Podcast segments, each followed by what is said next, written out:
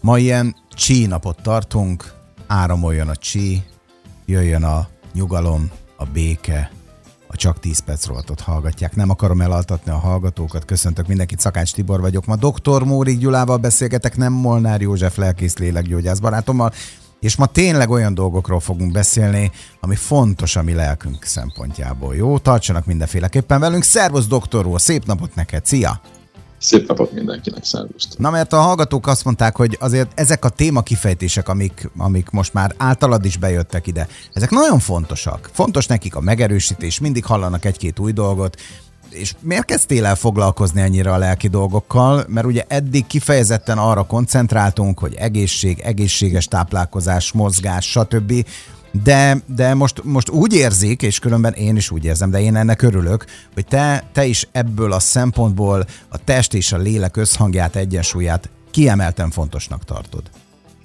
Igen, és megint csak azt kell tennem, hogy visszalépünk egy icipicit, és valóban így van. Tehát korábban nem beszéltem erről, és nem is gondoltam fontosnak. Azt gondoltam, hogy fókuszálnunk a paraméterekre kell, az értékekre kell, a, az emberi testben lévő folyamatok működésére kell. Szóval igazából a testre kell koncentrálni, és ott, ott lényeges, hogy, hogy mit kell tudni az infarktusról, a sztrókról, a tumorokról, hogyan kerül el őket, mi, hogyan tudj minél tovább élni, és paraméter, paraméter, paraméter, paraméter. Most másképpen látom. Az orvosi munkám célja tulajdonképpen, hogy hogyan élhetsz a legjobb életet. És ez nem kevesebb az előzőeknél, hanem több. Itt már nem lehet figyelmen kívül hagyni az egészséges, kiegyensúlyozott lelki tényezőknek a hatását. Tehát három pillérre kell állítanunk az egészséget, a fizikai egészségnek kell meglenni, itt az erő, a rugalmasság, a fájdalommentesség, stb. A stressznek a kezelése és egyebek, a szellemi frissesség, tehát gondolkodás, okosság, tanulás, emlékezés, minden az ég a vágon, és harmadik lába ennek az egésznek a lelki egészség, hogy hogyan érezd magad igazából jól a bőrödben, milyen viszonyod van magaddal, a környezeteddel, a világgal. Ez, ez itt, ami, ami rendkívül Tudod, meglepő volt nekem, amikor találkoztam most például ilyen korunkbeli emberekkel, és azt mondta, hogy amikor ilyen típusú témák jönnek fel, akkor ő elkapcsolja a rádiót, mert őt olyan szempontból érdekli, hogy meghallgatja, de amikor ő ilyet csinálna, hogy ő befelé fordul, meg olyan, mint hogyha hülyének nézném magát, meg a környezetét. Tehát meg kellene erősíteni az embereket ebben, hogy ez nem biztos, hogy ez egy rossz út, és ez felvállalható. Most amikor rájössz arra, hogy beteg vagy, rájössz arra, hogy baj van, rájössz arra, hogy, hogy milyen lesz az utolsó tíz éved, és azt mondod, hogy itt az ideje váltani, mert, mert, nagyon nyomorúságos lesz az időszak, akkor ugye két lábra helyezed ezt, az nagyon ingatag, három láb meg megáll.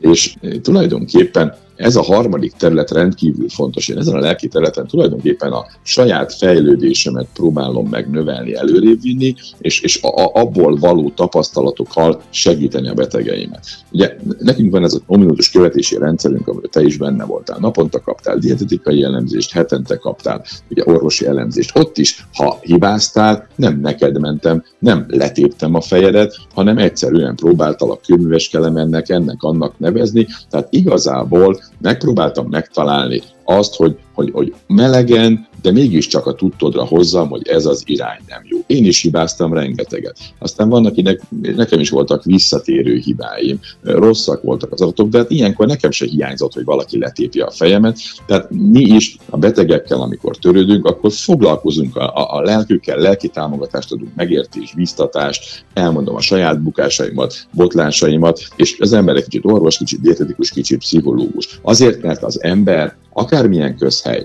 az testből és lélekből áll, és nem lehet külön választani a kettőt, magát az embert egyben kell gyógyítani. Ha ez igaz, akkor az is igaz, hogy a kettő együtt kell, hogy fejlődjön, mert külön, hogyha mondjuk a lélek nincsen rendben, akkor a testet nem tudod száz százalékra egészségessé tenni, vagy pedig tud ez külön is működni? Külön választhatod, de valójában érdemben nem tudod külön választani. Ma már tudjuk, hogy ez nem valamilyen bölcsesség, nem valami keleti filozófia, hogy a test meg a lélek összefügg. Hajszál pontosan tudjuk, hogy a, a, a lelki oldalnak a hatása sejt szinten az emberi szervezetben megjelenik. Tehát ez nem valami ilyen bizonyíthatatlan, tudománytalan áramlátgatás valami ingyom-bingyom, hanem hajszál pontosan tudjuk, hogy attól függően, hogy milyen a lelki egészséged, attól függően ez egy epi genetikai faktor, tehát genetika feletti faktor, amely meghatározza, hogy a benned lévő géneknek, durván 1700-1800 génnek az állapota bekapcsolt vagy kikapcsolt. Uh-huh. Tehát attól függ az az egész működése a szervezetnek, hogy egy bizonyos gén az most éppen pozitív vagy negatív irányba kapcsolt, és milyen hatást vált ki a szervezet. Úgy fog működni a gén, meg már közvetlenül a sejt működésében szól vele. Tedd, tedd már fel a következő kérdést magadnak, Tibi. Tedd föl. Miért akarnál sokáig élni, ha boldogtalan az életed? Tó, az nekem nem kéne. Na látod. Tehát fontos a harmadik lába a testi egészség mellett a, a lelki egészségednek is? Nagyon fontos. Mi történik akkor, amikor valaki csak a lelki egyensúlyra helyezi a, a hangsúlyt, mert hogy azt mondja, hogy minden betegség lelki eredetű, és hogyha a lelket kikezeled, akkor a testi betegségek is megszűnnek. Sok ilyen gyógyításra való kampány van, sok ilyen terápiás javaslat van. Tud-e működni egymás nélkül a kettő? Most a másik oldalról nézve. Most én akkor a saját véleményemet mondom el, amire a válaszom határozottan nem. Megmondom miért. Azért, mert ugyanez az epigenetikai faktor, amin keresztül 1700 génnek a, az állapotát befolyásolja a lelki egyensúlyod, az étkezésed, 4001 néhány század, és a mozgásod megint olyan 2-3 ezer közötti. Tehát van két másik láb még, ami ugyanúgy befolyásolja a sejtszintű működést, és ha ezekkel nem foglalkozol, akkor lehetetlen megoldani. Tehát azok már nagyon elrugaszkodott történetek. Még egyszer mondom, szerintem, hogy ha nem félek tőle, akkor nem leszek covidos, ha, ha úgy gondolom, hogy én nem leszek rákos, akkor nem leszek rákos, stb. stb. stb. Tehát van ennek egyfajta pozitív, vagy ellenkezésében negatív hatása, 1700 gén kapcsolás erejéig az én véleményem szerint, és a többi még, még nagyjából 8000 gén okay. azért az, még, az számít. Még, még tudod, Kernadrásnak is van ez a paródiája, hogy még, még, még, még érdekesebb kérdés következik.